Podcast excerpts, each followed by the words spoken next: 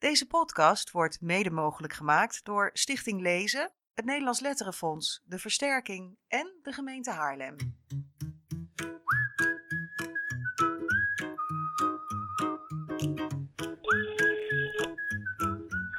Good morning, Stockholm. Good morning. Good morning. My name is Boel Westin, chair of the Astrid Lindgren Memorial Award jury.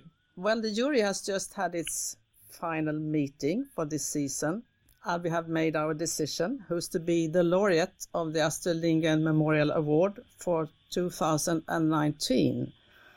And I have the great pleasure to tell you that the name of the laureate is Bart Moyar.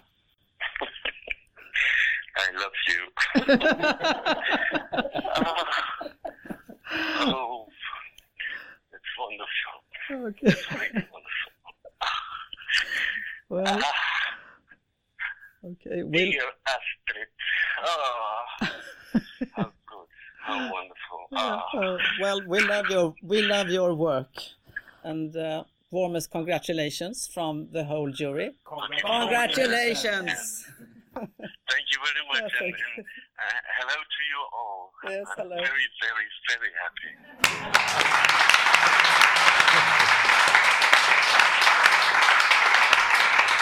Ja, dit telefoontje op 2 april 2019 van de jury van de Astrid Lindgren Memorial Award zet het leven van de Vlaamse schrijver Bart Moejaert behoorlijk op zijn kop. Hij won als tweede Nederlandstalige schrijver ooit de, deze grootste oeuvreprijs voor kinderboekenschrijvers ter wereld. We zijn ongelooflijk trots dat Bart onze gast is tijdens dit grote vriendelijke midzomeravondgesprek semi-live vanuit Café Kleef in Haarlem.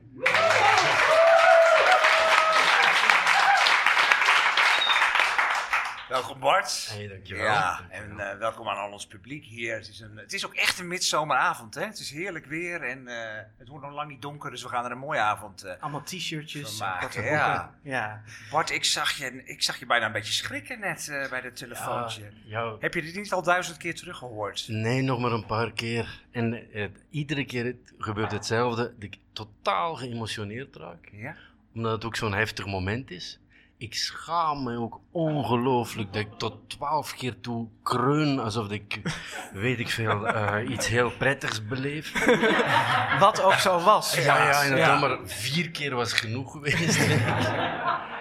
maar je kunt je niet voorstellen wat er op dat moment aan het gebeuren is. Ehm, Schrijf het dus. Ik, ik was voor de zestiende keer genomineerd en ik zit in een klein, nee geen klein hotel, maar zo'n Mercure hotel tegenover het station in Bologna. Want daar was op dat moment de internationale kinderboekenbeurs Ja, aan de gang. Hè, in Ja, en daar wordt het altijd bekendgemaakt met een straalverbinding rechtstreeks Stockholm. En het is tien uur en ik zit bij het ontbijt en ik denk, nee, nee, nee, 16 keer, als het nu nog niet gebeurd is, het zal niet gebeuren. En- Maar om kwart over tien begin ik wel te denken van, "Pga, je weet maar nooit, want ik ben toch wel toevallig genomineerd, dus het zou kunnen. En ik zit op de rand van mijn bed, mijn telefoon ligt op het eh, lelijke bureautje dat op een halve meter afstand van me staat, en die telefoon gaat over. En dan gebeurt er iets in je hersenen wat, je, wat mensen niet kunnen inschatten ook. Je hersenen registreren een nummer uit Zweden. Er staat onder Sweden. Je hersenen zeggen tegen jezelf: Ik krijg niet elke dag een telefoontje uit Zweden. Je hersenen zeggen: Dit zou het telefoontje kunnen zijn. Je hersenen zeggen: Het is telefoon, dus je moet de telefoon opnemen. Ja. Je hersenen zeggen, hoe ga je opnemen? Want dat ga je toch wel op een goede manier doen.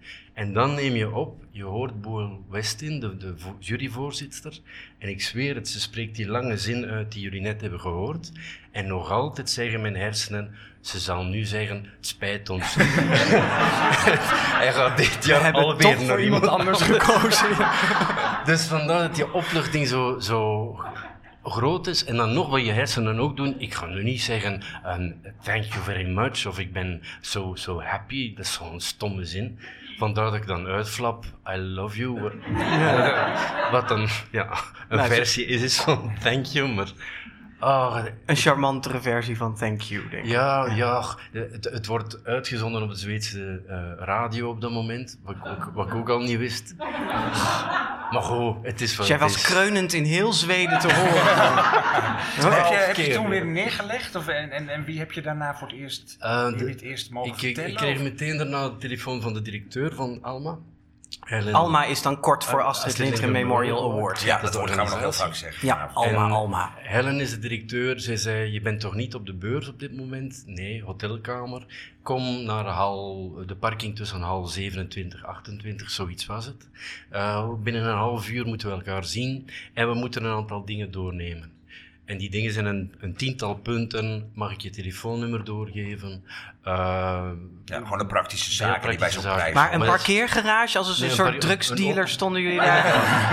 we, we noemden het ook onze, onze affaire die we hadden. Oh ja, we, ja. we gingen achter een, een, een, een bestelwagen staan, want er kwamen ook mensen naar buiten die naar ons keken.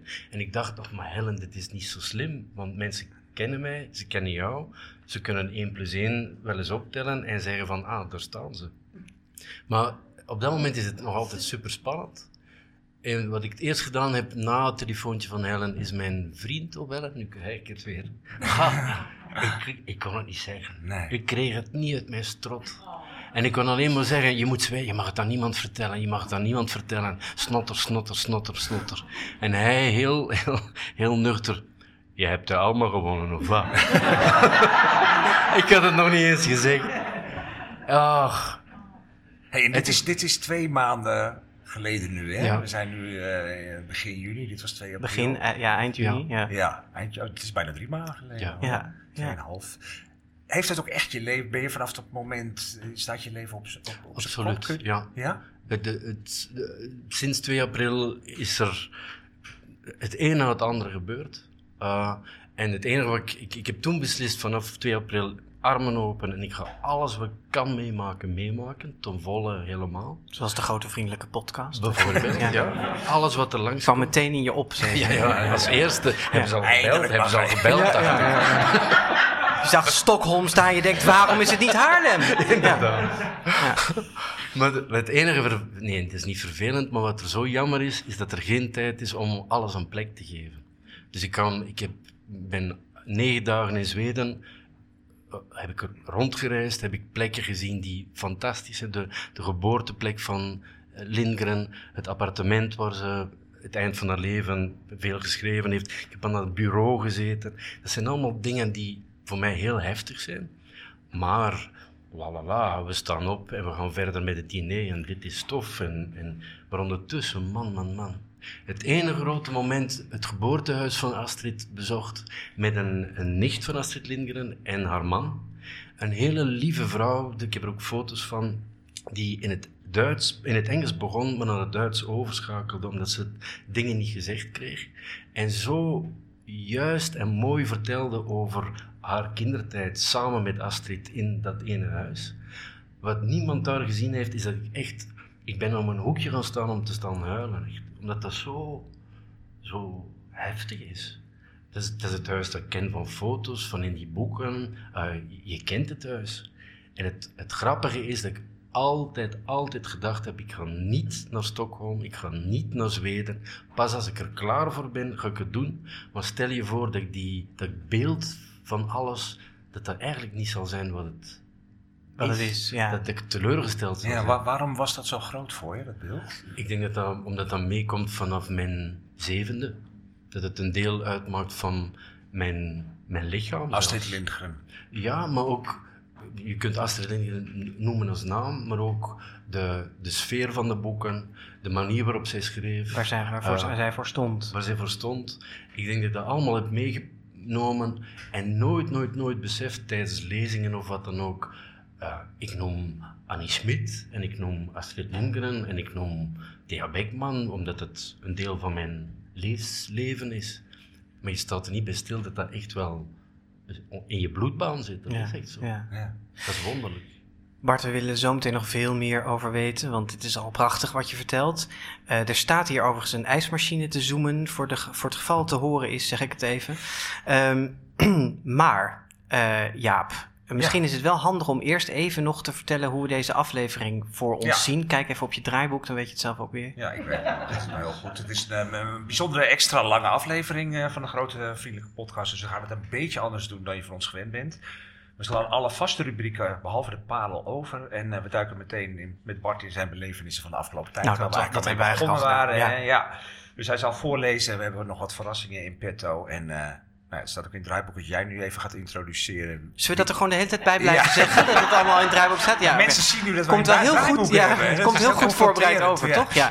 Eh, ik moet dan nu vertellen wie hij eigenlijk is, Ja, toch? is dat nog nodig? Nou, laat ik het heel kort doen Ja, dan. En ja. dan de- voor de rest gewoon bartmoejaard.com en daar vinden Ja, mensen dat dan... Ja, goed.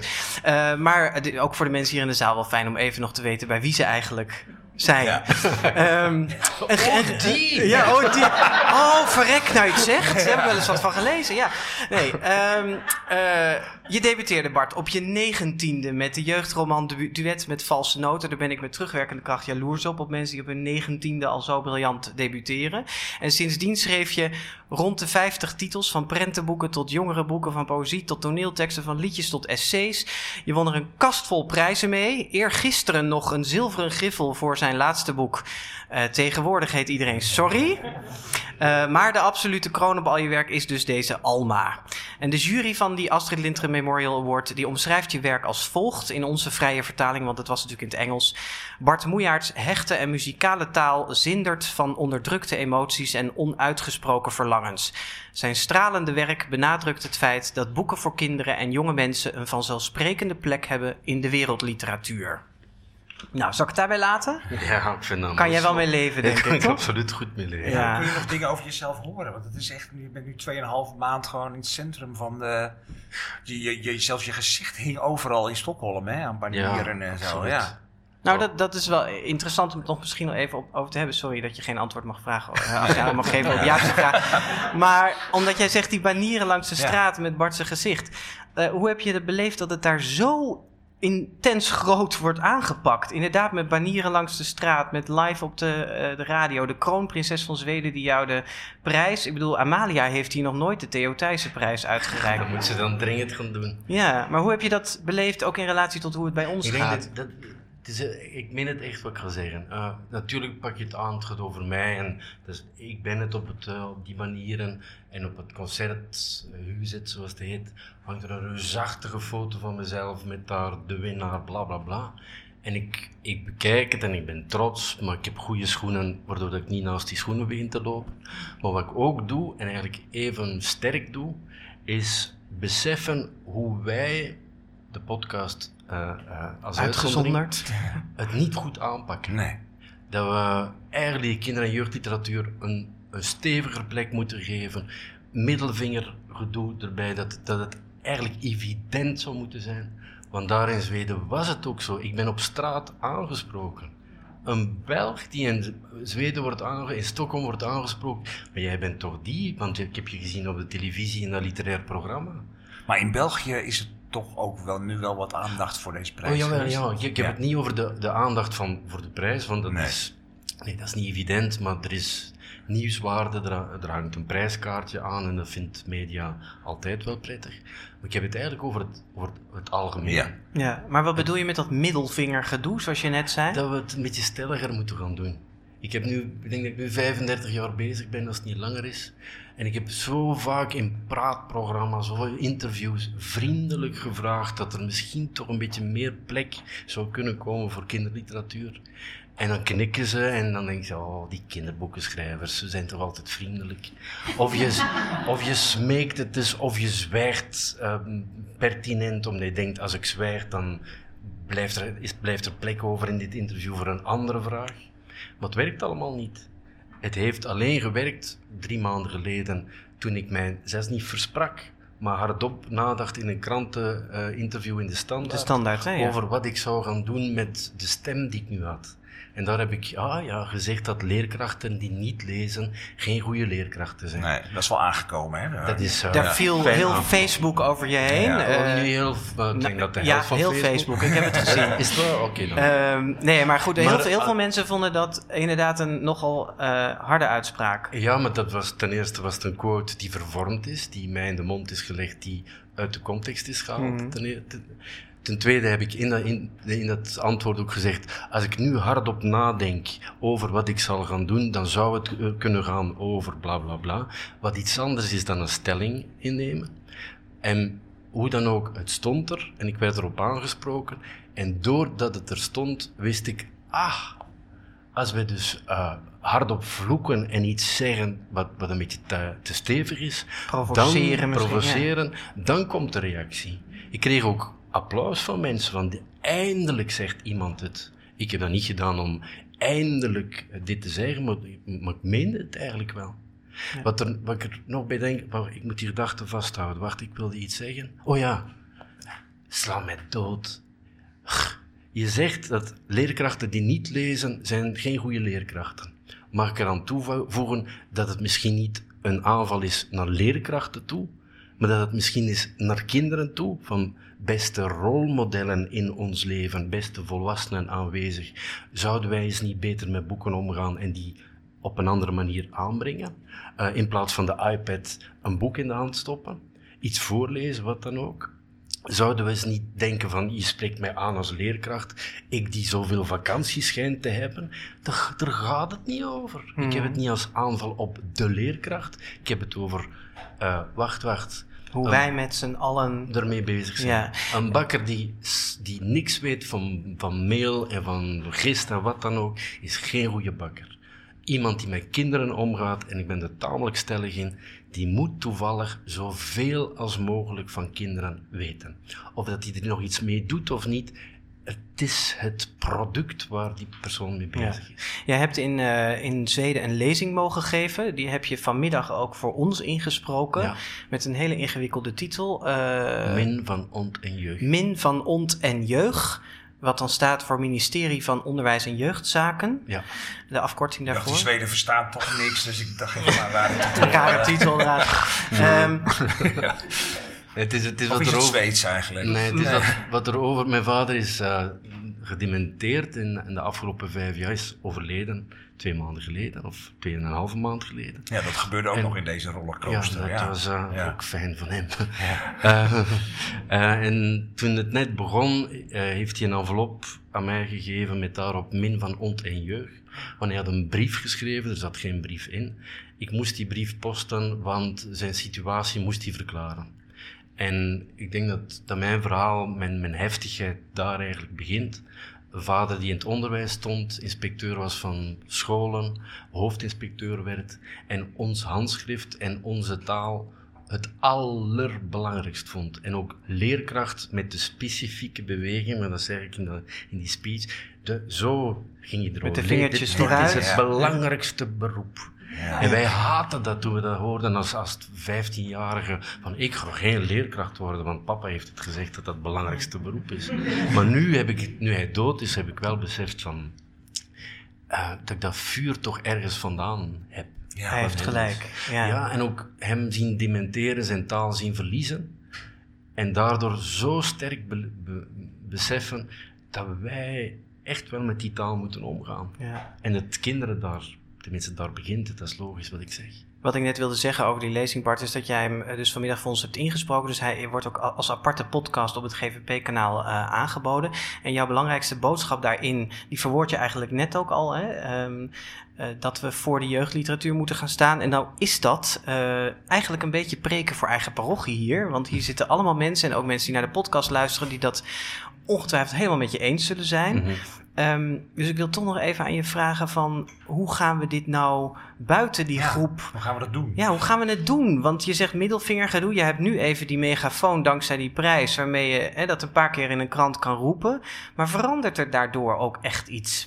Maak het eens concreet. Hoe kunnen we dit. eh, heel ik wil, ja, ik, ik, Ja. ik, ik probeer ook echt even Ja, hem, eh, het vuur goed. aan de schenen te leggen nu. Hè? De grote kritische podcast. Er is er eentje, maar ik ben weer hardop aan het denken, dus ik hoop dat ik het kan realiseren. In Zweden is er een, een systeem gekomen dat je bij McDonald's eh, niet per se een speelgoedje, zo'n zo'n stom plastic ding kunt Happy kiezen, Meal achter ding, maar ja. ook een boek kunt kiezen. Een klein formaat boek, dat door een, een raad wordt gekozen. eh, en je kunt kiezen.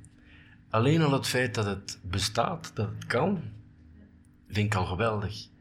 Wat zou het geven als ik nu van, vanuit die Alma zoekwaardedirecteur van Quick in België of McDonald's of van een ander fastfood ding woont, haha, om hem, haar een brief te schrijven en, en te vragen van kunnen wij iets regelen? Ja. Zo moeilijk is dat toch niet? Er zijn toch honderd boeken in een doos die ergens in een magazijn moeten staan. En in plaats van iets, een autootje, weet ik veel wat ze krijgen, de kinderen met zo'n Happy Meal ding. Want in Zweden lukt dit dus. Lukt het, ja. Ja. En het zijn de boeken, want ik heb ze gezien, ze zijn hetzelfde formaat, dus ik kan ze verzamelen. Ik kan niet zeggen dat ik van elk boek enthousiast ben, want het zijn titels voor heel veel kinderen, waar niks mis mee is. Maar er zit ook een Oog-Stark tussen, waarvan, waardoor ik denk van, oh, chapeau, zie. Ja. En ik vind Stark het- is een bekende Zweedse Ja, schrijver. inderdaad. Eh, dat is zo'n ideetje dat ik daar heb, heb meegepikt, of meegepakt.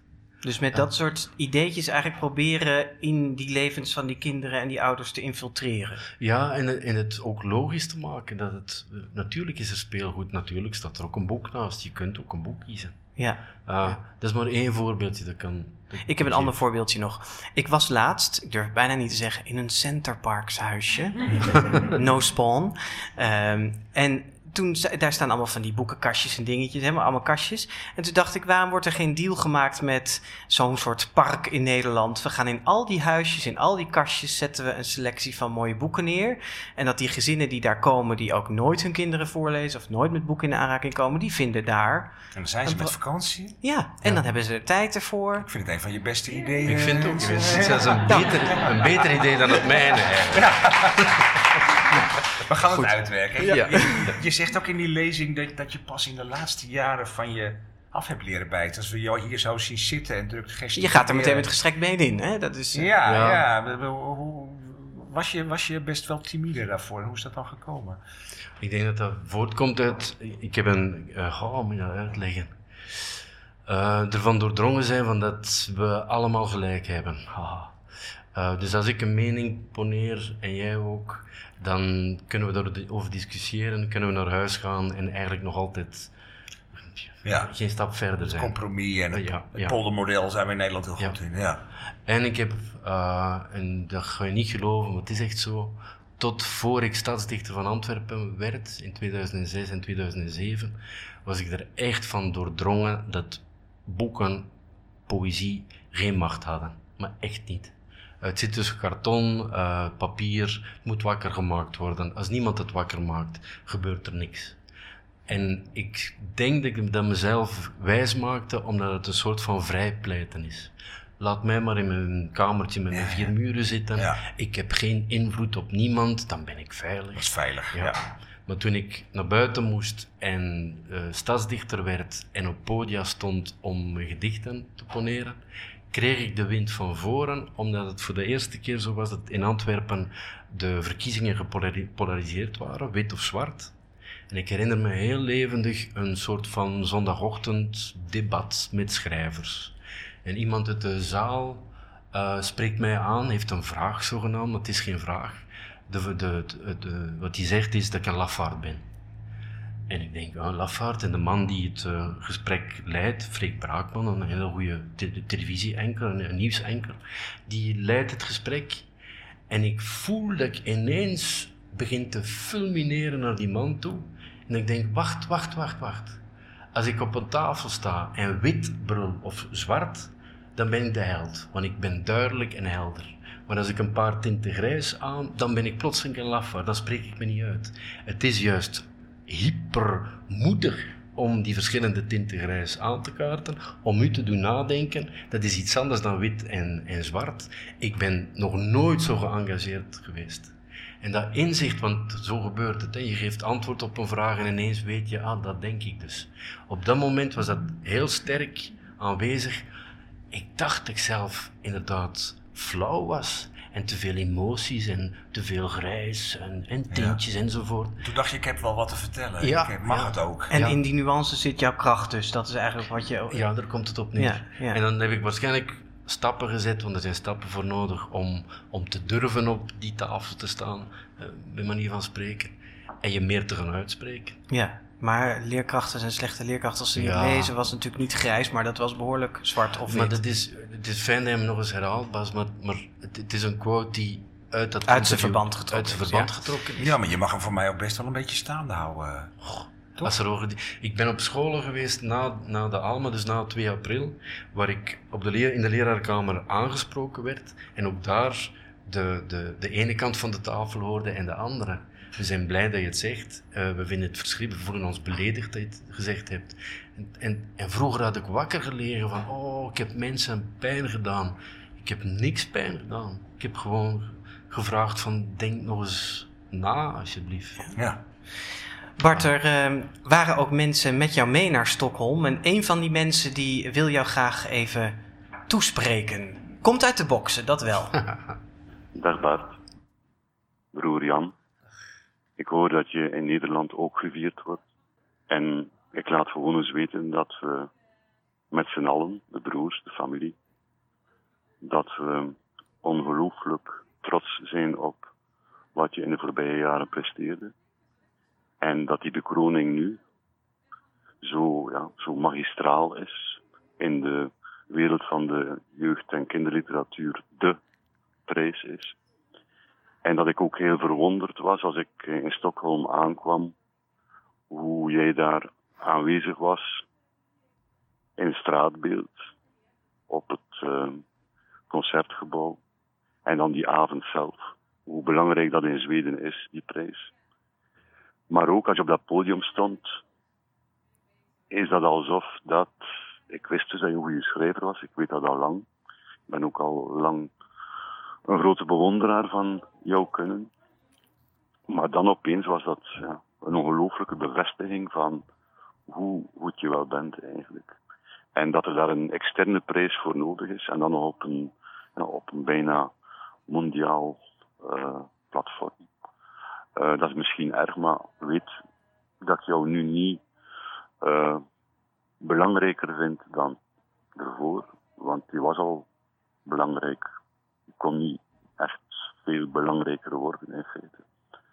En daarnaast ben ik ook blij dat je in al die jaren door jouw schrijven, en dan zeker met broeren, toch een stukje de cement geweest bent voor de familie en voor de broers. Want ja, elk heeft zijn ding, elk heeft zijn leven. En heel dikwijls zijn we toch samengekomen rond jouw schrijven.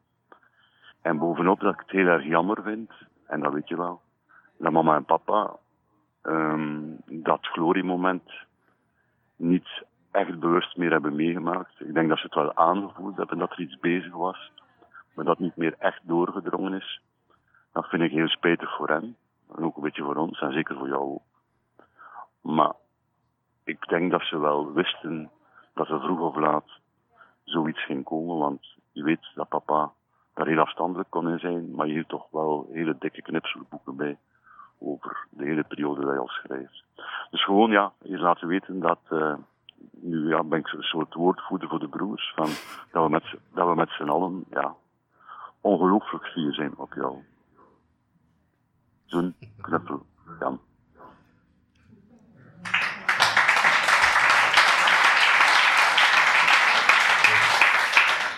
Het was broer Jan. De derde hè, van de zeven. Ja. Ja. Ja. Ik probeerde kort iets met hem op te nemen, maar dat... eh, Jullie lijken op elkaar. ja, wie Is dat zo? Ook qua stemmen wel een beetje, toch? Ja, ja. ja. Ja. Broer Jan eh, die, die werkt ook in de kunsten, hè? Hey, Jan is eh, intendant van het Poëziefestival Watou.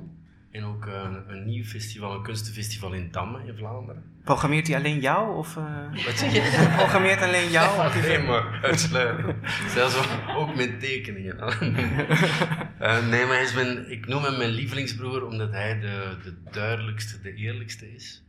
De echtste in het boek? Ja, ja. Dat dacht hij zelf. Ja. Moeten we even uitleggen. Bart, je hebt... Wacht even.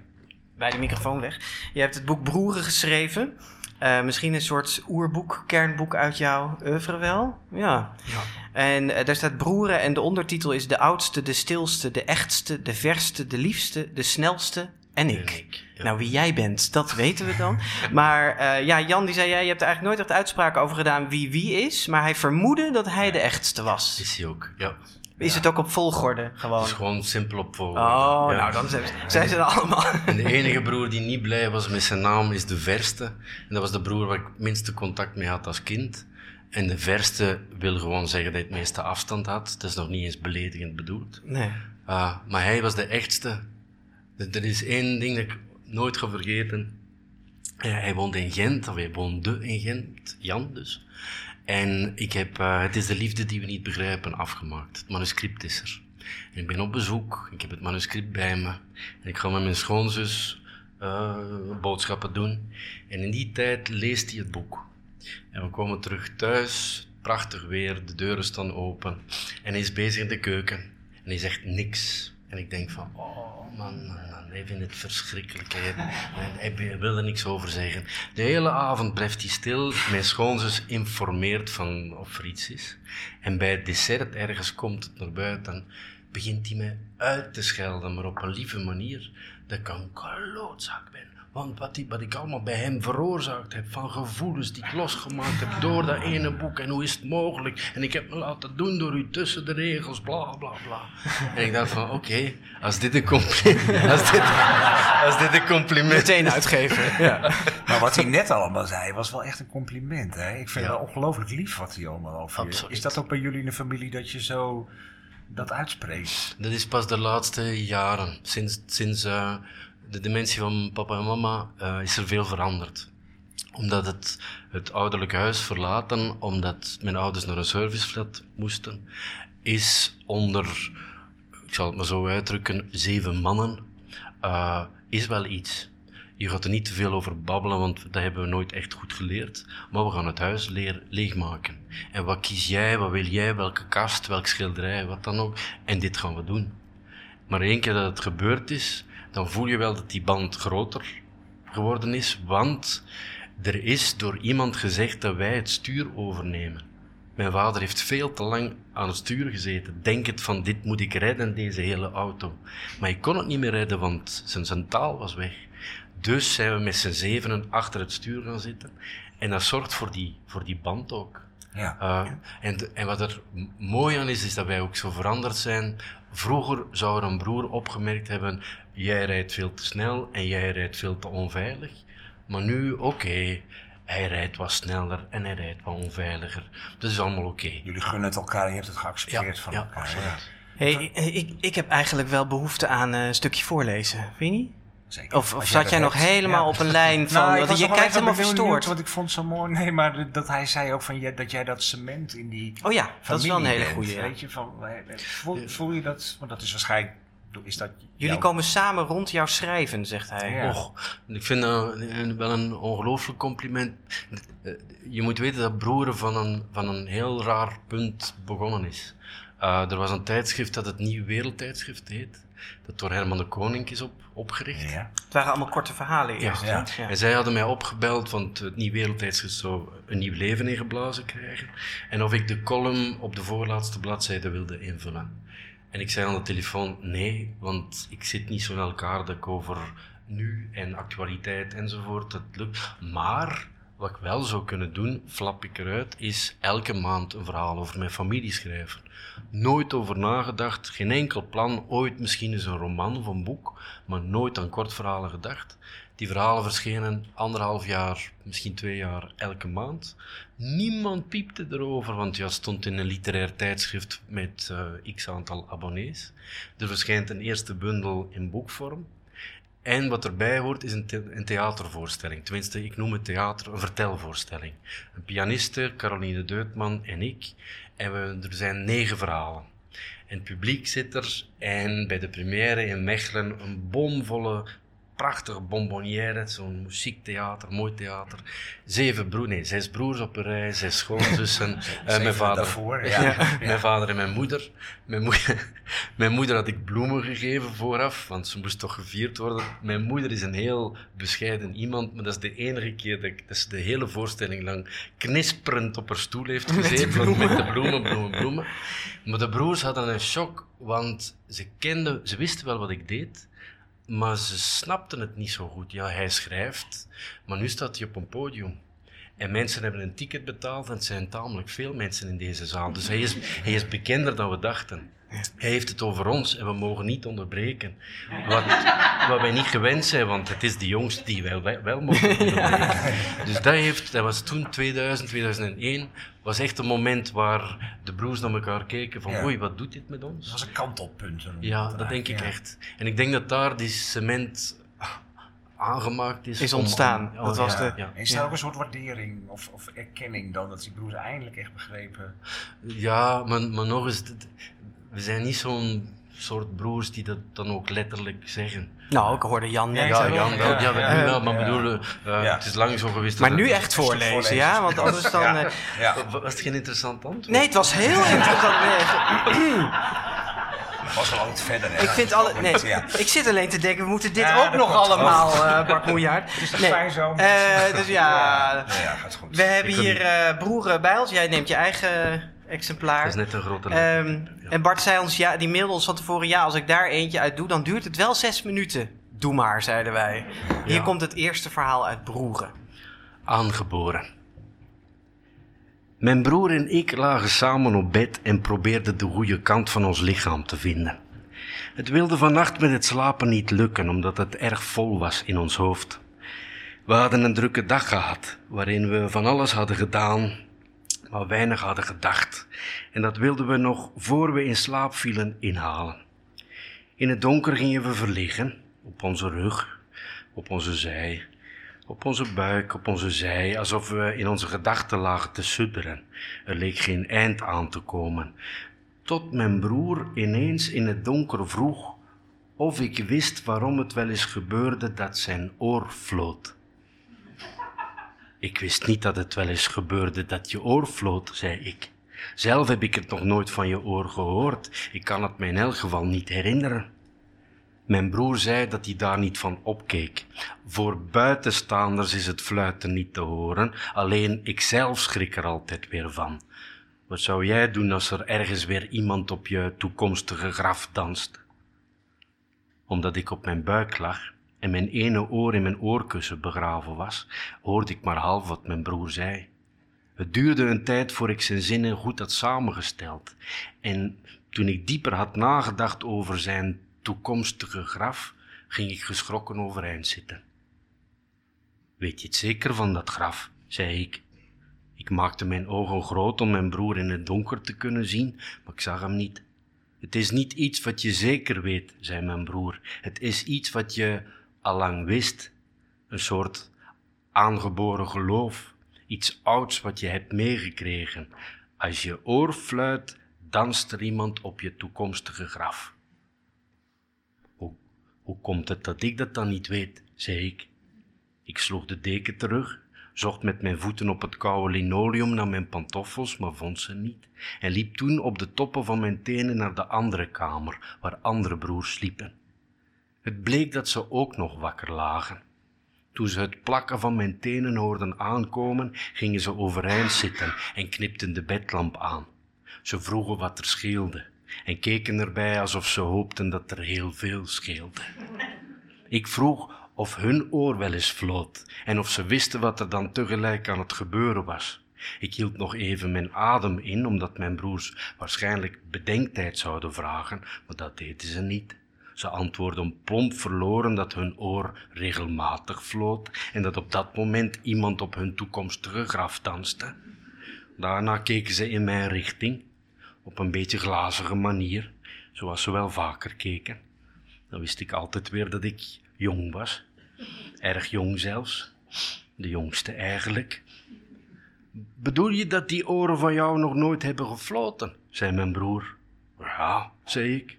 Nog nooit, of in ieder geval niet dat ik weet. Mijn broers wisselden blikken, keken nog eens naar mijn oren en maakten bewegingen met hun wenkbrauwen. Een van mijn broers stak zijn hand omhoog. Hij zei: Wacht eens even. Je wilt me toch niet wijsmaken dat ehm, je linkerhand nog nooit gejeukt heeft? Of je rechter, zei een andere broer. Ik schudde met mijn hoofd en haalde mijn schouders op. Als je linkerhand jeukt, ga je winst maken, zei mijn ene broer. En als je rechterhand jeukt, verlies, zei mijn andere broer. Zo is dat. Hoe linker, hoe stinker, hoe rechter, hoe slechter. Mijn adem bleef achter in mijn keel steken. Ik keek naar mijn handen, die bij mijn weten nog nooit gejeukt hadden, en dat kon kloppen, want erg rijk was ik nog niet geworden en veel verlies had ik nog niet geleden. En dat weten jullie gewoon, zei ik. Waarom heeft niemand me dat ooit verteld? Het is iets wat niet verteld hoeft te worden, zeiden mijn broers tegelijk. Het zit in iedereens genen, een, een soort aangeboren geloof is het. Net zoals iedereen al voor zijn geboorte weet dat er over je wordt geroddeld als je oren toeteren, zei een broer.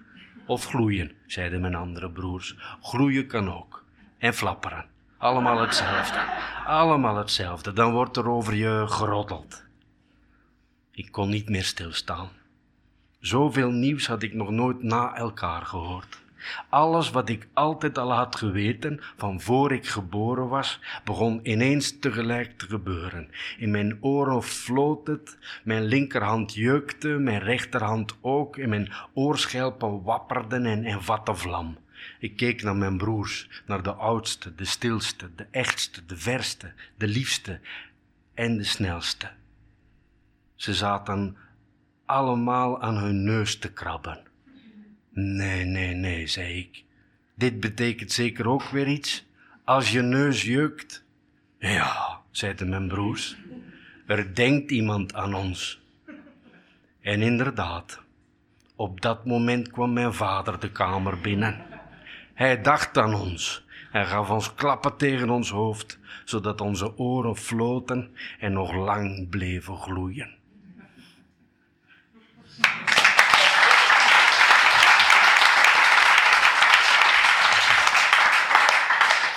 Ja, Jaap die had nog wat langer met broer Jan gebeld. En hij zei over eh, de verhalen in Broeren dat de anekdotes souvenirs zijn uit jullie jonge jaren. En toen zei hij er ook bij: Het doet er niet toe of het echt gebeurd is. Hij heeft de sfeer van die tijd zo goed getroffen. En toen bedachten wij ons, ja, eigenlijk gaat het in heel veel van jouw boeken heel erg om die sfeer. Hè? Jij bent veel meer een man die op de sfeer zit dan op de plot bijvoorbeeld. Ja. Waarom is dat zo? Omdat ik denk dat eh, er in de sfeer op zijn minst evenveel verhaal zit dan in de plot zelf. Stel dat het helemaal stil is als ik hier binnenkom en jullie zitten er al. En er hangt een bepaalde sfeer, dan vind ik dat hyper spannend om te ontdekken wat er dan wel voor gezorgd heeft dat die sfeer zo is, veranderd is, wie er iets gezegd heeft, eh, wie er wel is of juist niet is. En dan wil ik dat gaan onderzoeken. En ik merk dat ik vanuit die beginpositie, namelijk bijvoorbeeld deze ruimte, dat wat mij betreft er een compleet boek kan uit ontstaan. Ja, jij onderzoekt dat heel minutieus eigenlijk. Ja, Hè? ja. En dat is, dat is zo gegroeid, ik denk, eh, echt wel onder invloed van Eden Chambers onder andere. Mijn eerste vier boeken, denk ik, zijn nog- Beroemde Britse schrijver, hè, voor Ja, wie het niet ja. weet. Ja. Die, die zijn nogal niet plot gedreven, dat is te sterk gezegd, maar er zit veel meer plot in die eerste boeken dan in de latere boeken, zeg maar. En het was Aiden die. Ik heb een studie over Aidens boeken gemaakt toen ik in Brussel studeerde. Ehm, ik wilde alleen maar Je moet dansen op mijn graf bespreken, maar dat mocht niet van die hogeschool, want er was te veel homoseksualiteit in één, in één boek. Ja. Had in meerdere boeken over homoseksualiteit moeten gaan. Ja. Dus het hele oeuvre, dat mocht wel. En dan, oké, ik vond het uiteindelijk wel een goede, deal, want ik heb dan alles gelezen. Hem ook ontmoet, persoonlijk ontmoet, drie dagen bij hem gelogeerd.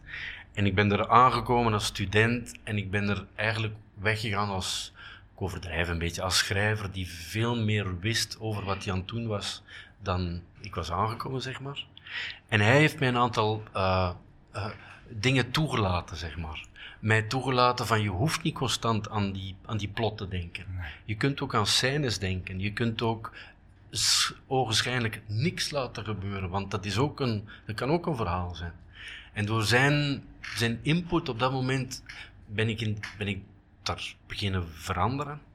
Eh, Ja, wa- wat je, wat je heel erg doet is oh, eh, alles onder de microscoop. Hè? Dus heel, je, dat merk je al in dit verhaal, dat je heel goed, het gaat over de wenkbrauwen van de broers eh, die je bewegingen maken. Het is heel erg eh, observ- heel goed observeren. ja. Je rekt momenten uit. Dat is je laatste boek een goed voorbeeld van. Tegenwoordig heet iedereen Sorry. Dat speelt zich af een heel boek lang op één dag. Ja.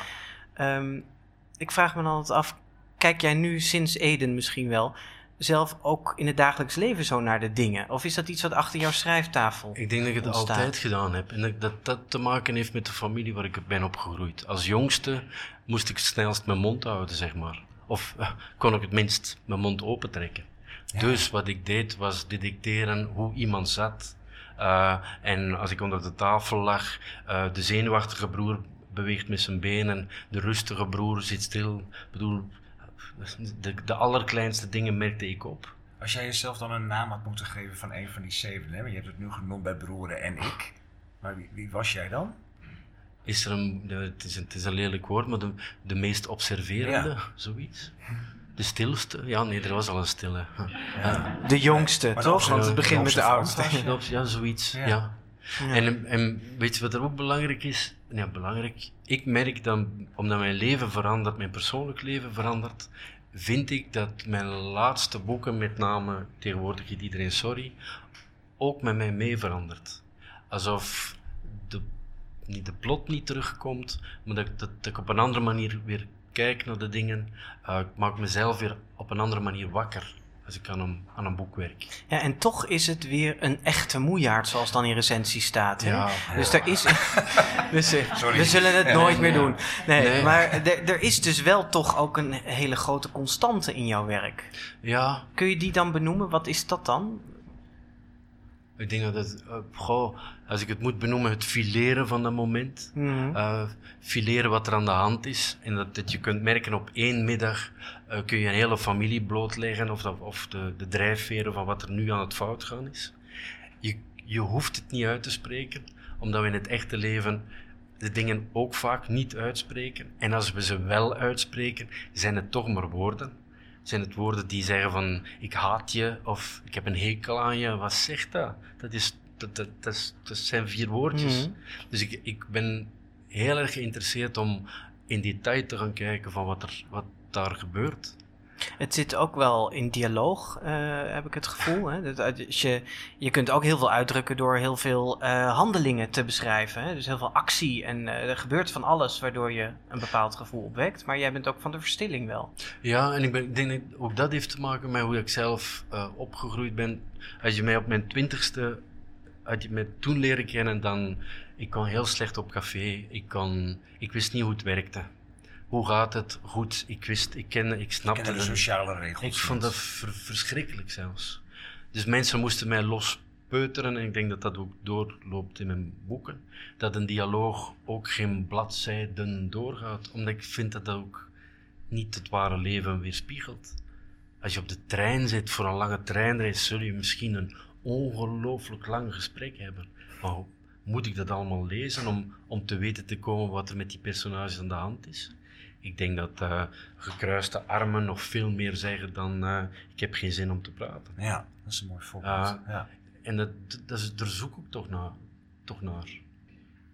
En wat, ik- wat ik daarnet zeg, ik ben, ik ben bezig sinds vorig jaar december, nee, november met een nieuw boek. En door tegenwoordig heet iedereen Een, sorry. een roman of Een- een... Een, een roman, ja. Ja. Eh, drie meisjes van 17. Eh, dus ik weet eigenlijk niet welke richting het uitgaat. Wordt het een jeugdroman? Of, ik denk een jeugdroman, maar goed.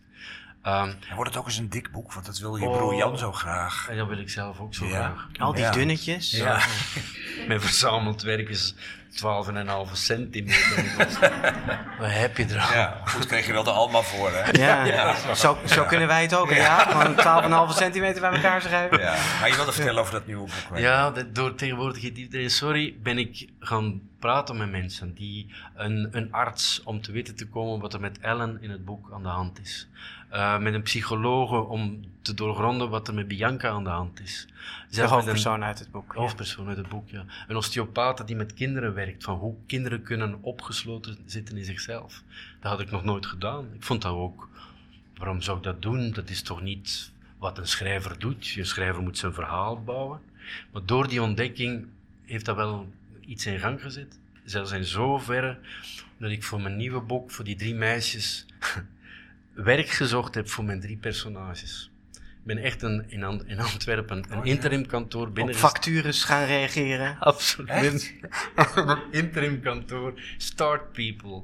En aan de balie gaan staan. Ik ben schrijver en ik zoek werk voor mijn drie personages. en een meisje achter de balie die gaat, ja, dat gaan dat, dat wij niet, dat gaat niet gaan. en ik dan aan de overkant bij accent. En dat was een Nederlandse jongen.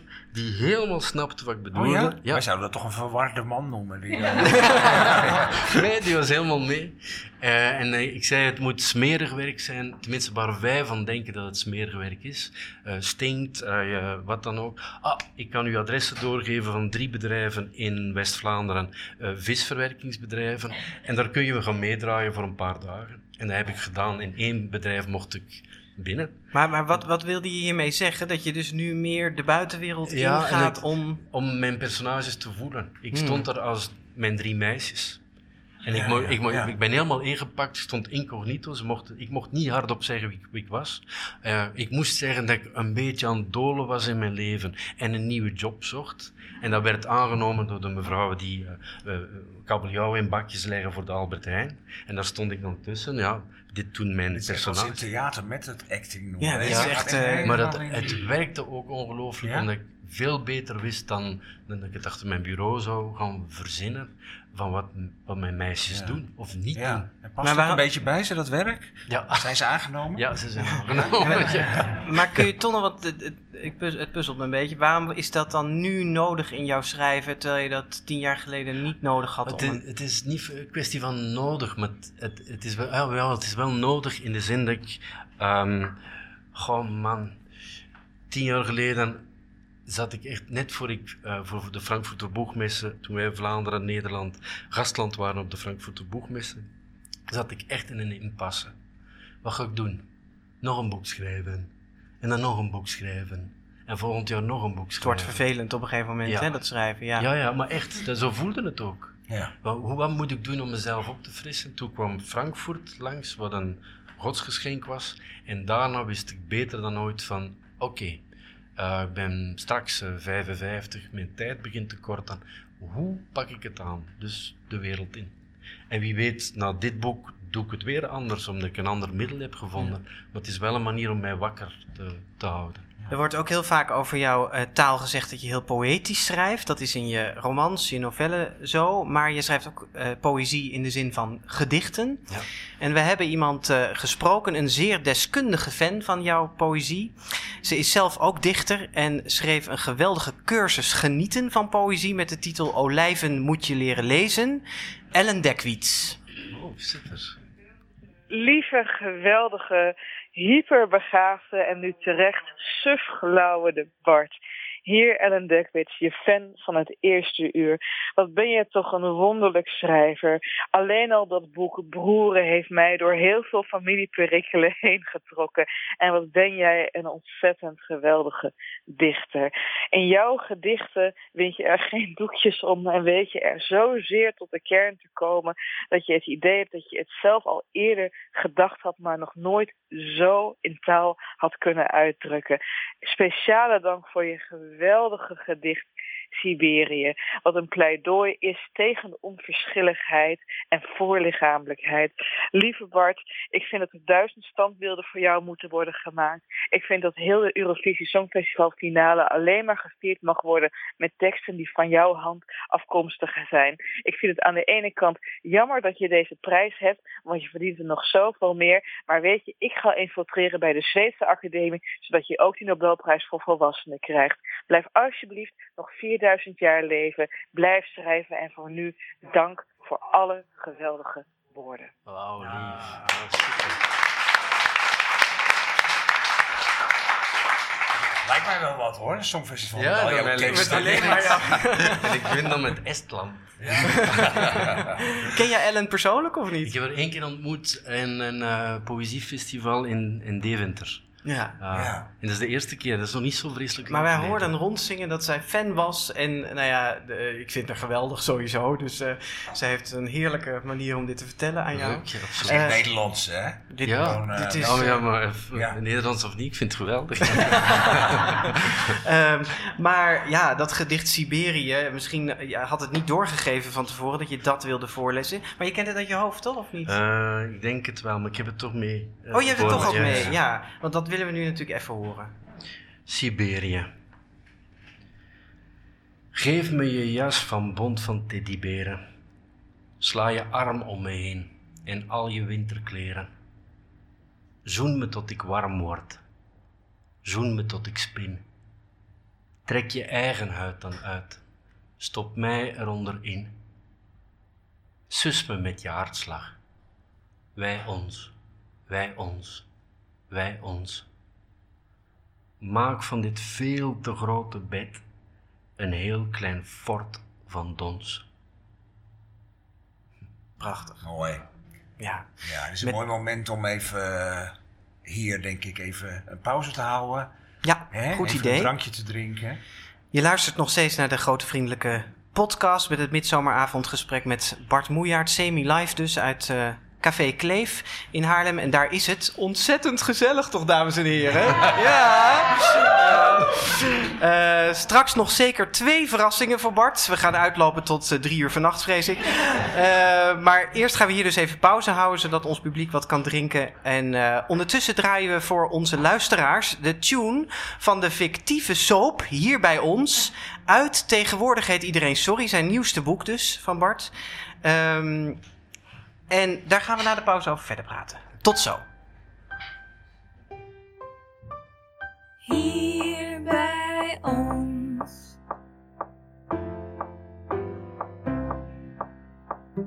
Hier bij ons. Je weet dat de tijd je bedroeft, je verblijdt. Wat je rijk bent, dat wil je niet kwijt.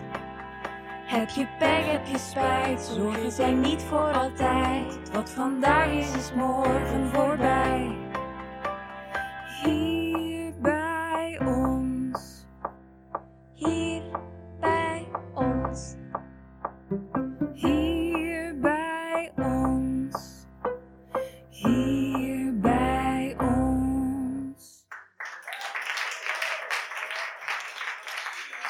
Pauze duurde hier in Kleef natuurlijk iets langer dan deze minuut muziek, maar toch welkom terug. Deze tune is gecomponeerd door Bart Voet en werd ingezongen door Esmee Bos en Ella Voet. En eh, Bart, voor we weer eh, terug gaan naar de inhoud van je boek, we willen het even over, verder over, eh, tegenwoordig heet iedereen sorry. iedereen begint over dat mooie omslag, hè? Ja. Ja, Hoe heeft dat boek zo'n beeldschone cover gekregen? eh, toeval. Haha. Nee, het was eh, een jaar of vier ondertussen geleden op Instagram. eh, ben ik aan het, hoe heet dat dan, browsen, swipen, gewoon namen intikken en nog eens kijken. En, en dan ineens ontdek ik een beetje kitserige portretten van meisjes, jongens van 16, 17, zoiets. En ik maak screenshots van, ik denk, oh, oh het boek van de drie meisjes in de visverwerkingsfabriek, dat zou wel eens het omslag kunnen zijn. Eh, en Bianca komt langs, dus tegenwoordig heet iedereen sorry, schrijf ik. En als het boek af is, is er met Dick van de uitgeverij sprake van, ja, we hebben natuurlijk een omslag nodig. Waar Dick is denk jouw je aan? redacteur, eh. Ja, Dick, Dick is mijn redacteur. Uh, ik had geen idee. Ik had niet meteen een, een, een beeld, maar ik wist wel direct van, oei, die jongen of dat meisje, want ik wist niet, het was een, een Koreaanse illustrator, ik kon ook zijn naam niet ontcijferen. Dus Jong, stuur- Jong, Myung, heet hij? eh, Min Jong ook, denk ik. Ja, zoiets, ja. Hij heet op Instagram Edgar Yang. Zetten we op de site. Ja, ah, fijn. Ehm, en ik weet dus niet of het een jongen of een meisje is. Ik stuur een bericht in het Engels. Of hij ooit al, of zij al samengewerkt heeft met een tekenaar. En er komt een Met een krom... schrijver bedoel je? En een schrijver. En er komt een heel krom antwoord terug. Hij heeft duidelijk mijn Engels niet begrepen. Dus ik stop er een Koreaanse literaire agent tussen. Wil je alsjeblieft bemiddelen? Blijkt een jongen te zijn, een student, illustrator. Hij is 23. En ja, hij wil graag met een schrijver samenwerken. En we geven vanuit de uitgeverij de opdracht of de- vraag: wil je het hele omslag ontwerpen van voor naar achter? Eh, het zou mooi zijn een portret op de voorkant en je ziet de tuin bijvoorbeeld, de tuin acht over haar schouder. Dat zou fijn zijn. En het beeld komt binnen en het is alleen de voorkant, het portret van Bianca, met haar ogen open. Ja, een meisje dat nogal stuurs of een beetje bozig. Ja. En dat portret In de is, lens kijkt, is zeg maar. ontstaan uit zeven foto's die ik hem had toegestuurd van bekende fotografen. Van meisjes, jongens van een jaar of tien. Die die blik hadden, eh, die boosheid, eh, kom niet dichterbij, maar eigenlijk heel breekbaar en, en kwetsbaar zijn. En ik had hem geschreven, een, een langere tekst geschreven. eh, als je deze zeven portretten op elkaar legt, dan zou het wel eens kunnen dat je Bianca ziet. Hij had al een schets gemaakt, ze had te veel sproeten. Dus dan had ik hem gezegd van, ze heeft niet zoveel sproeten, denk ik. Maar als jij denkt dat ze sproeten heeft, dan is dat zo. Maar goed, dus het portret komt, het beeld hebben we. Jammer, de onderkant wordt dan maar, eh, weet ik veel, knalgeel. Maar het cadeau kwam een week later. Het tweede portret, Bianca met haar ogen dicht. En ik vond dat zo'n geschenk, eh, waardoor je eigenlijk geen tekst hoeft te zetten op het boek. De titel natuurlijk, maar de korte inhoud is eigenlijk al overbodig. Maar je ziet dan haar blik als ze je aankijkt, kom niet dichterbij, ik ben woest op de wereld. En als ze haar ogen sluit, dan zie je dat ze ongelooflijk verdrietig is en eigenlijk er alleen maar om smeekt om eh, aangeraakt en omhelst te worden. Dus ik was dolgelukkig met het omslag. Is, dit, is dit Bianca geworden? Ja, Ja? ja dit- zonder, zonder enige twijfel. Ja. En het leuke is dat mensen ook opmerkten van, oh, is dat geen jongen? En dan denk ik, het is mij om het even. Ja. Natuurlijk kan dat ook eh, een jongen, natuurlijk kan het geen jongen zijn, maar ik bedoel, het, het is Bianca. Bianca is misschien wat boyish, dat zou kunnen. Ja, nou, je vat eigenlijk eh, de kern van het boek al heel mooi samen. Hè? Maar ik ga toch even vertellen nog waar het over gaat. Ehm, nou, het is dus een echte moejaard, zoals we daar straks al zeiden. Eh, en je beschrijft dus één dag uit het leven van Bianca. En dat is een meisje dat eh, door haar gescheiden ouders als onhandelbaar wordt gezien. Haar broer Ellen heeft een zwakke gezondheid, een half hart. En op deze dag die jij beschrijft, komt er een vriendje van Ellen spelen. Jazz, zo spreek je het ook uit, hè? langgerekt eh, staat er in het boek, jazz. En eh, haar moeder blijkt, of zij, zijn moeder moet ik zeggen, blijkt ehm, Bianca's favoriete actrice te zijn uit de soap, de fictieve soap die jij dus verzonnen hebt, hier bij ons. Billy King heet de actrice en haar soapnaam is Ilona. Eh, Zo heet het personage in de soap. Dat was dus de tune die we net hoorden. Zou jij het stuk uit ehm, tegenwoordig heet iedereen sorry willen voorlezen, waarin ja, Billy King is al net even binnen, maar nu ontmoet ze Bianca eigenlijk voor het eerst echt. Het zijn deze twee bladzijden, Ja. Bas, toch? Ja. Ja. Op de trap doe ik zo stil als mogelijk. Mijn oren draai ik achterstevoren. Ik wil weten wat ze over mij gaan zeggen. Natuurlijk zullen ze het over mij hebben. Oh, Billy. Met zo'n zucht zal mijn moeder beginnen. Bianca is een moeilijk meisje. Haar gebruiksaanwijzing verandert al eens van taal en het is er altijd één die niemand begrijpt. Oh, Billy. Eén verkeerd woord en ze klapt dicht. Bij de minste opmerking vliegt ze tegen het plafond. Ze stormt woest de deur uit om af te koelen of ze verdwijnt in haar kamer en dan doet ze de deur op slot. Ligt ze te midden van de zwarte bloemen op haar bed. Je zou het behangetje moeten zien dat ze zelf heeft gekozen. Zwarte en roze strepen. Als je binnenkomt denk je aan een prinses in een kooi. Oh, Billy. Ze kijkt elke dag naar je. Ze houdt een plakboek bij over jou en over die schoonmaker op wie je een tijd verliefd bent geweest. Hoe heet die? Ik blijf halverwege staan en spits mijn oren. Ik verwacht een giechel van Billy, maar, maar dan op de manier van Ilona. Waarschijnlijk zal ze haar hand over haar ogen leggen en met haar hoofd schudden. Je bedoelt Sam, zal ze zeggen, maar ze zegt niks. In de woonkamer blijft het, terwijl ik langzaam en stilletjes naar boven ga, de hele tijd stil. Ik luister naar hen en zij luisteren naar mij. Ik wacht op hen en zij wachten tot ik weg ben. Auw. Ellen en Jazz maken lawaai in de zon. Ze zijn keffende hondjes. Het is zomer, vakantie. De middag is begonnen. Billy King is bij ons. Wat wil ik nog meer?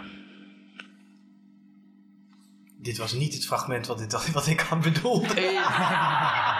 Je legt me dit maar- voor, Bas. Ja, nee, dit is prima. Bladzijde 33, 34, klopt dat? Nee. Dan heb ik het papiertje gewoon verkeerd terug. 35, 36. zullen we die gewoon nog doen? Bladzijde 33, 34? Ja. Dat vind ik ook een veel beter vraag. Ja, precies. Had ik dat geweten. Dat zeg je nu. En het zou toch al drie uur s'nachts worden. Dus lees voor. Mijn moeder vraagt niet of ik erbij kom zitten. Ze heeft het met Billy over jazz en over de gezondheid van Ellen. Ze gebruikt het woord toestand. Ze wijst naar het beademingsapparaat dat onder een hoes achter de sofa staat. En ze zegt, daar komt hij nooit meer vanaf. Ik kom niet ter sprake. Ook niet zachtjes. Ook niet in halve zinnen met een lange stilte ertussen. Een tijdje sta ik naar het gesprek te kijken. De theekopjes hangen boven de bordjes in hun hand. Mijn moeder zit te poseren voor een foto, maar er is geen fotograaf. Wat wil je, schat? zegt ze tegen mij. Ze zet haar kopje op het schoteltje en glimlacht eens. Wat sta je daar te doen? Billy denkt dat ik verlegen ben, omdat ik niks zeg. Ik sta na te denken. Dat is, dat is iets anders. Wil je niet met de jongen spelen? zegt mijn moeder, alsof ik negen ben. Een vraag aan mij bouwt ze graag zo op. Ik ben het begin, de schuld, het probleem. Dat het misschien Ellen is die niet met mij wil spelen, komt niet bij haar op. Vuur en water, dat sist interessant. Het ene dooft en het andere verdampt. Het zou fijn zijn als mama zou vragen of ik thee wil, frisdrank, ijsthee. Het zou fijn zijn als ze zou zeggen: zal ik de kan pakken en er nog wat extra ijs bij gooien? Ik wacht een tijdje. Ik kijk naar Billy en ineens besef ik dat ik eigenlijk naar Ilona sta te kijken en aan Ilona denk. Dat is raar, dat iemand twee personen is. Ik mag die twee niet door elkaar halen. Billy steekt haar hand naar me uit en ze zegt nog eens hallo. En ik zeg hey en ik schud een beetje raar aan haar hand. Mama zegt pas op, omdat het theekopje bijna valt. Ze wijst met haar hoofd in de richting van de deur. Ik knik eens. Ik vraag niet of ze wil dat ik wegga. Ik denk dat ze wil dat ik wegga. Ja, deze bedoelde ik. Nou ja, er, spreekt, er spreekt heel veel ingehouden woede uit dat boek. Hè? Waar, waar, ehm, waar kwam die stem bij jou vandaan? Ehm, dat is een goeie. Ik denk dat ik ehm, zelf woest word als ik, als ik niet gezien word. Als ik niet op de juiste manier gezien word. Eh, ik bedoel het, eh, bedoel het Bescheiden. Nee, nee, ik bedoel het Nee. half ernstig, maar als Ja. je zegt van moeiaard is gelijk aan poëtisch en moeiaard is gelijk aan eh, een dag, een echte moeiaard. Ik kan het er echt van op mijn zenuwen krijgen, omdat dan iets in de weg kan komen te staan dat je niet meer kijkt wat ik eigenlijk wel gedaan. doe of nog anders doe. En eh, dat bedoel ik nu niet zo... zo als, Nee, ik- maar, ik, eh, maar, maar, maar ik veralgemeen het ook. Als, als je niet goed kijkt naar iemand, kan me dat echt boos maken. En ik denk dat die boosheid van, en ik weet dat zeker, dat die boosheid van Bianca tegenover haar moeder echt zoiets is. Eh, dat is zelfs niet passief-agressief bedoeld, maar snap je nu niet dat je niet goed naar mij kijkt? Je kijkt altijd naar mijn broer. Hij doet alles beter. Ik sta hier niet te wachten om, om, om, om mij aan te stellen. Ik sta hier te wachten tot ik erbij mag zitten. Snap dat dus? Ja, want die broer, die is, die is, Die heeft nergens last van. Die heeft alleen last van zijn halve hart. Ah. ja, die is wat ziekelijk, hè? Ja. Dus daar, ja. Maar die wordt Ja. ook overbeschermd, want ze weten als je... Als de- dat is iets wat ik geleerd heb trouwens, dat het een, ehm, een reactie is als je hart maar half fu- functioneert, dat je snel een soort van ADHD is het niet, Hyperactief maar, wordt, maar eh, hyperactief wordt. Ja. En dat je dan, dat dat als resu- resultaat heeft dat je minder lucht krijgt en dat je een soort van flauw valt. Waardoor dat het beademingsapparaat altijd in de buurt moet zijn. Ja. Eh, maar ja, ze laten hem wel vrolijk doorspelen. Ja, hey, die soapactrice die intrigeert mij ook. Want het, is, eh, het wordt eigenlijk een soort eh duo-boek hè, tussen die soapactrice en, en, en haar en Bianca. Ehm, je hebt er een tune bij laten maken. Er staat hier ergens een koekblik. Dat laten we straks nog even zien aan het publiek. Waar je de, het logo van de soap op hebt laten drukken. Het gaat vrij ver. Je, Ja. ehm, wat, waar kwam dat vandaan, die, die soap-invloed? je mer- schrijft er echt met merkbaar plezier over. Ja, absoluut. Is dat ook omdat het... Nee, sorry, mag ik het invullen? Wat, wat ik Doe maar dacht? niet. Bij... Nee, oké. sorry, slechte interviewer, sorry. Nee, nee, nee. nee. Open vraag. Open vraag, wat bedoelde je daarmee? Er zijn, er zijn t- twee dingen. Dat ik, ehm, je, je weet, of tenminste, eh, ik ben heel vroeg begonnen. Eh, op mijn negentiende. En ik vind het belangrijk dat ik mijn winkeltje, om het maar zo te noemen, alles wat ik doe, zo goed als mogelijk verzorg, op mijn manier. En dan gaat het over een site en dan gaat het over een vorm, ook de vormgeving van het boek. Het, is, het hoort bij mij, het laat zien wie ik ben. Uh, of je dat nu pretentieus vindt of uh, wat denk je, wie denk je wel dat je bent, het kan me niet schelen. Het is mijn wereld die ik zo moet uitbouwen. En af en toe heb ik het, zoals bij tegenwoordig het iedereen sorry, dat ik het een plezier vind om mensen op het verkeerde been te zetten.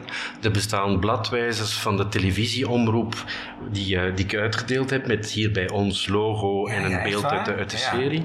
Eh, voor de boekenbeurs had ik die laten maken. En dat kost mij dan geld en ik ben goed gek, maar ik vind dat leuk om... om, om ja, heb je die serie niet gezien? Heb je die gemist? Nee?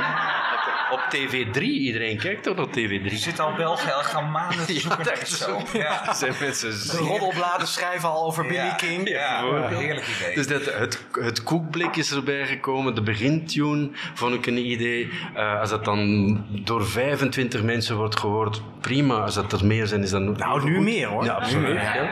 Maar ik wilde eigenlijk weten wat je er in het boek mee wil, met die, met die soap. Oh. eh, Dat vroeg hij niet hoor, dus ik snap je al. Nee, ja. ik, ik, ik, wil er niet per se iets mee. Eh, Billy King heette vroeger Peggy Michiels. En Peggy Michiels bestond 20 jaar geleden. En er was één scène, er was toen een kort verhaal, niet eens zo'n vreselijk goed kort verhaal, maar het heette een kort verhaal.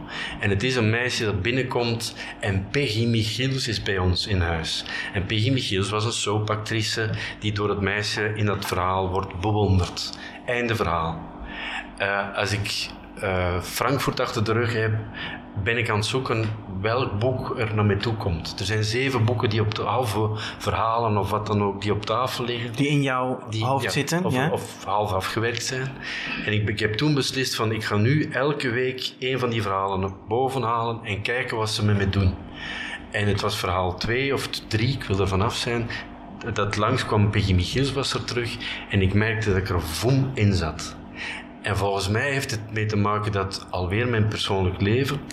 Uh, in Nederland zegt de naam waarschijnlijk niks, maar in, bij ons is Janine Beschops een heel belangrijke, bekende soapactrice die in Thuis speelde. En Janine heet in de serie Jenny. En ik heb Janine zeven jaar geleden of zo leren kennen op café. En we kennen elkaar nog altijd. Ik denk dat ik haar zelfs vriendin mag noemen. En er is een lange tijd geweest, en ik schaam me er dood voor, maar het is niet anders, dat ik haar altijd Jenny noemde. En ook zeker wist dat ze Jenny heette, terwijl dat ze in de serie zo heette.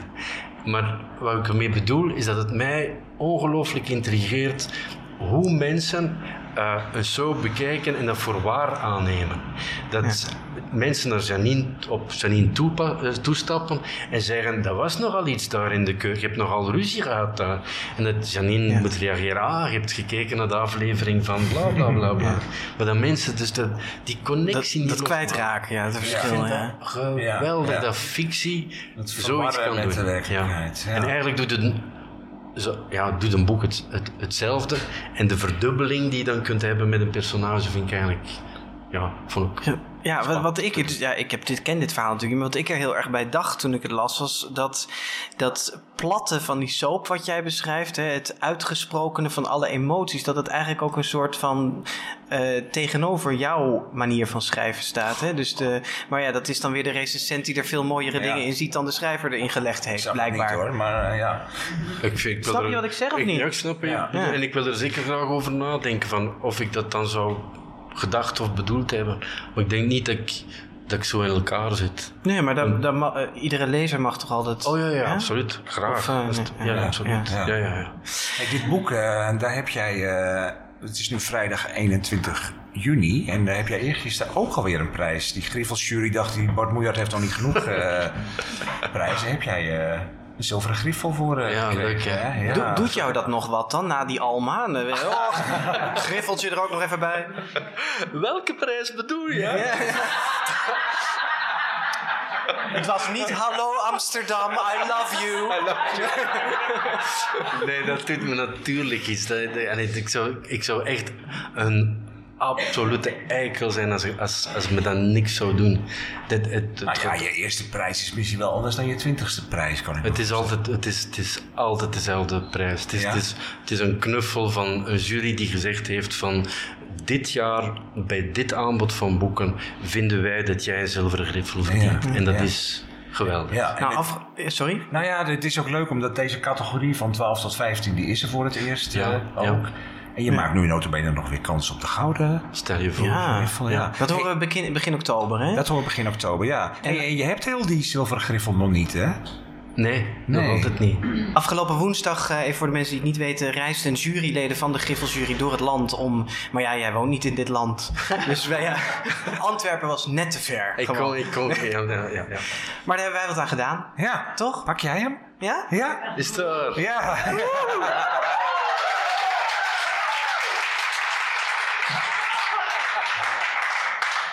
De zilveren griffel,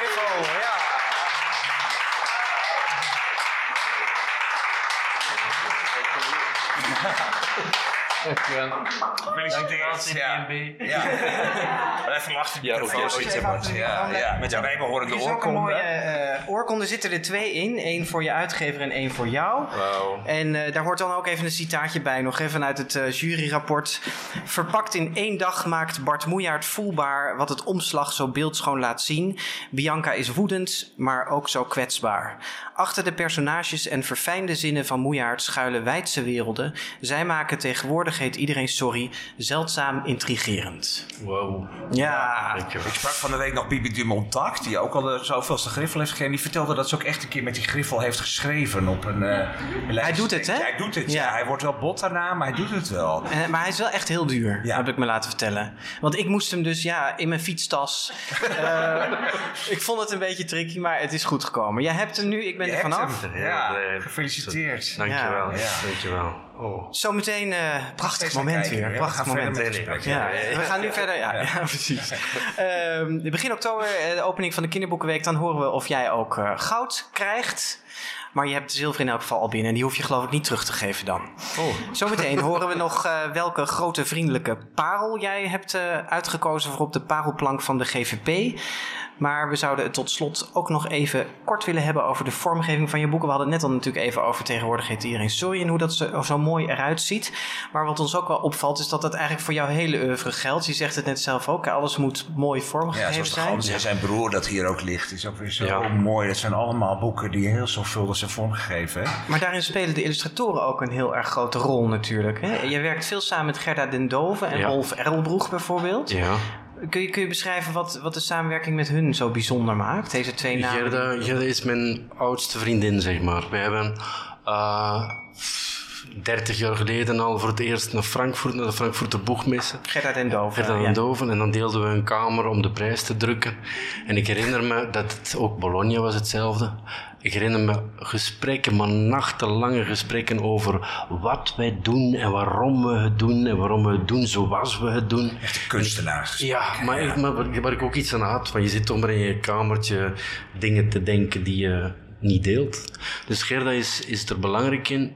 Ehm, wat ik ook spannend vind aan, aan alle collega's die zichzelf eh, vernieuwen, heruitvinden. En Gerda is daar een heel mooi voorbeeld van. Hoe ze constant evolueert. Hoe ze constant ook eh, eh, net zo onzeker is als ikzelf. We hebben samen opgetreden in Wenen eh, voor een live programma waar zij live tekende. En ik schrok ervan. Ik, ik was er nerveus voor, want ik moest het in het Duits gaan vertellen. Maar zij was even zenuwachtig om die live tekeningen te laten gebeuren. En hoe geweldig is het als je al 30 jaar bezig bent en nog altijd denkt van, hm, ik kan het eigenlijk, misschien kan ik het vandaag niet.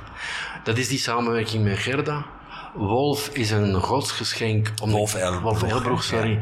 Uh, is een godsgeschenk omdat de schepping bestond.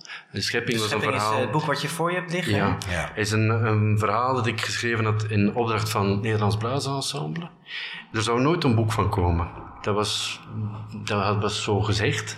Maar we doen het drie seizoenen lang, die voorstelling. Ik vertel het scheppingsverhaal op mijn manier. En zij spelen die Schöpfung van Haydn. En uiteindelijk wordt er bedacht toch een prentenboek. Wolf Elbroek zou dat prachtig kunnen doen. Durven wij hem te vragen? Ja, we durven hem te vragen. De eerste ontmoeting met hem was geweldig, omdat hij mij zei, en ik vind dat zo'n mooi compliment, en ik zeg dat nu ook tegen mensen waarvan, waarvan ik het ook voel, wij hebben in dezelfde tuin gespeeld. Als je dat tegen iemand anders zegt, dat je gewoon van elkaar begrijpt, we hoeven niet te veel te babbelen, maar we, we, komen, we hebben in dezelfde tuin gespeeld.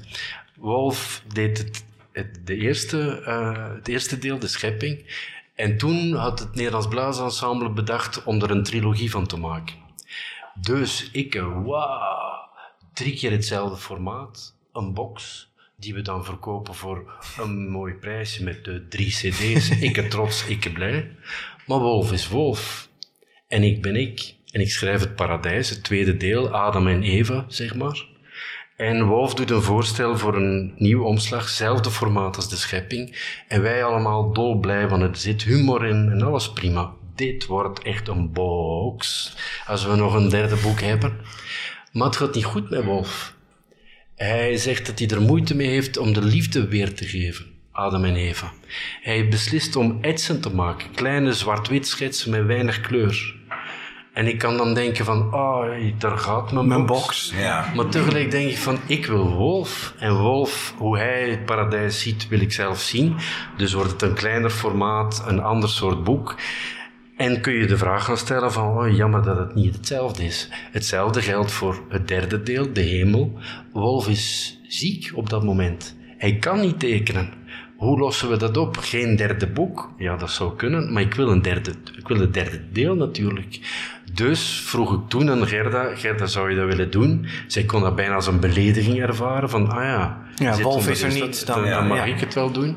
Zij heeft er, er tegenovergesteld een eerbetoon aan Wolf gegeven, want als je de tekeningen goed bekijkt, dan zie je Wolf Erlbroeg in de tekeningen. Sommige mensen ha- ha- denken ook dat de hele serie... Als je, als je het oppervlakkig Oh, bekijkt, zo, zou je ja, kunnen ja, denken... ja. ze zijn alle drie door, eh, door... Maar dat is, de, dat is de manier waarop ik met illustratoren of met collega's omga.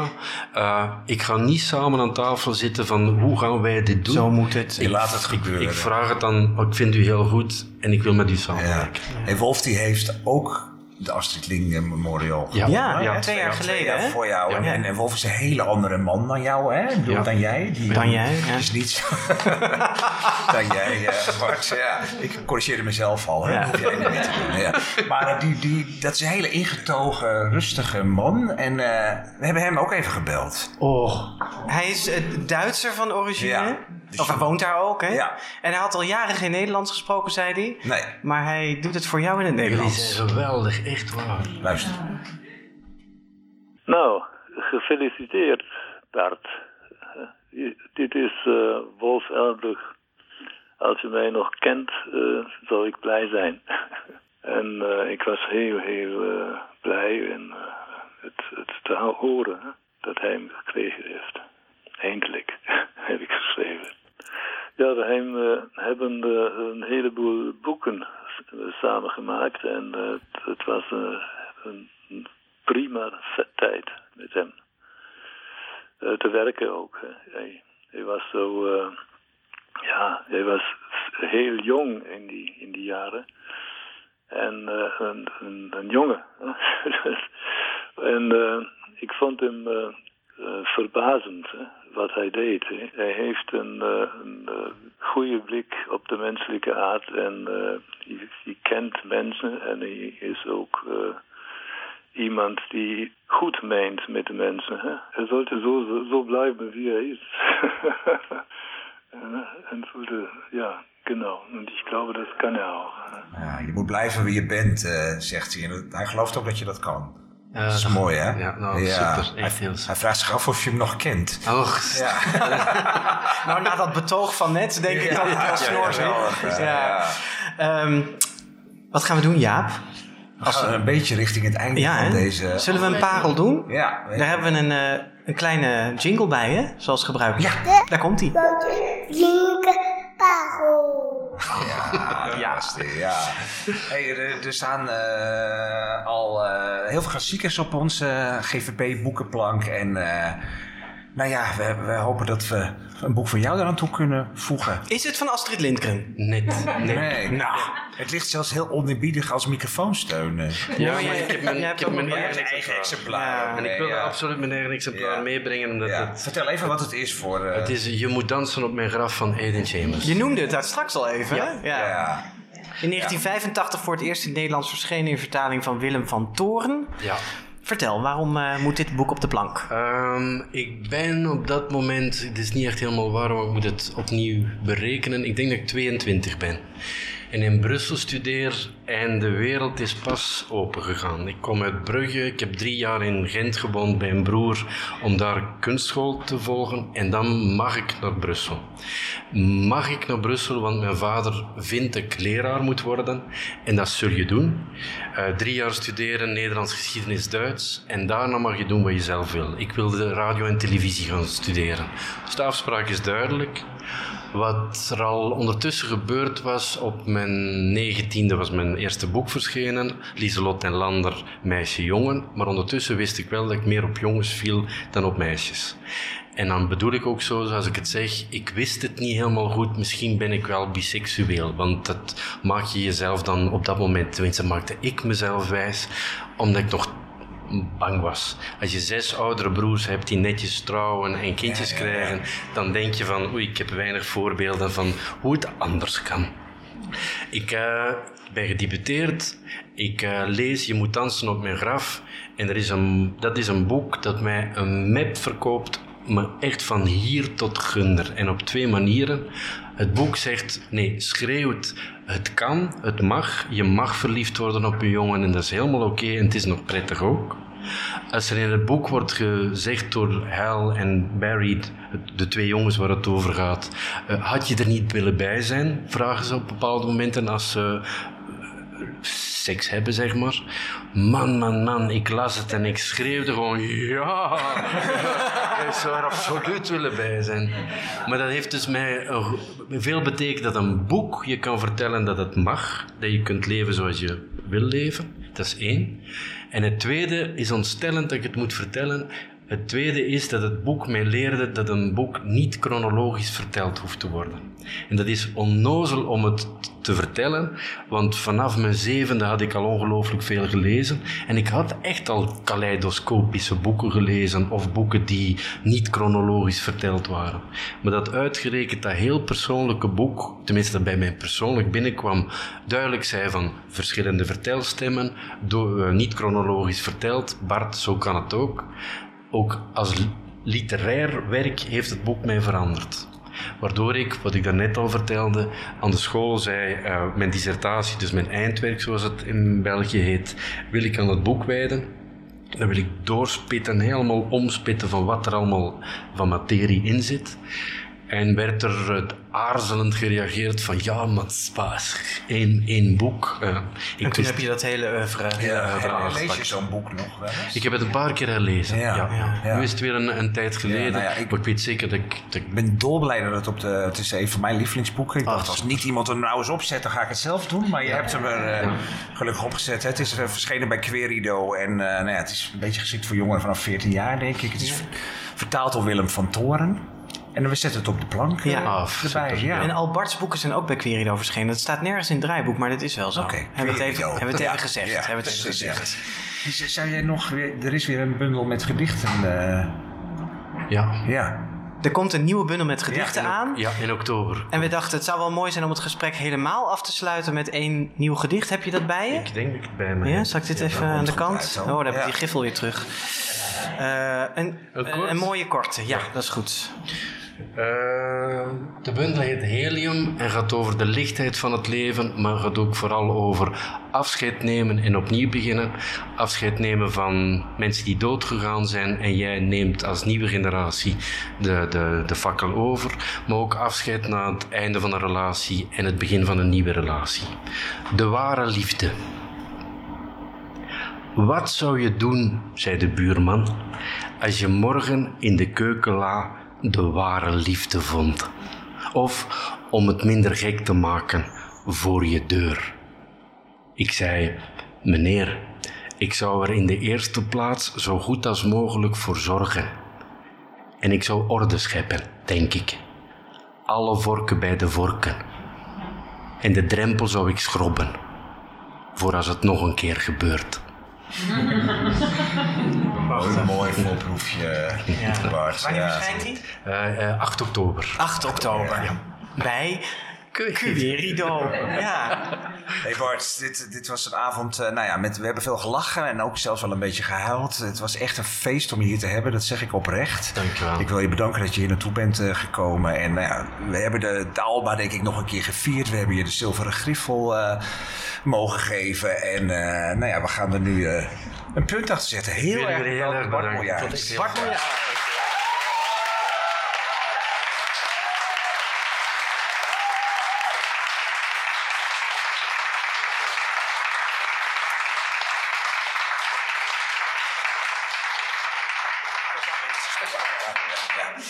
Ja.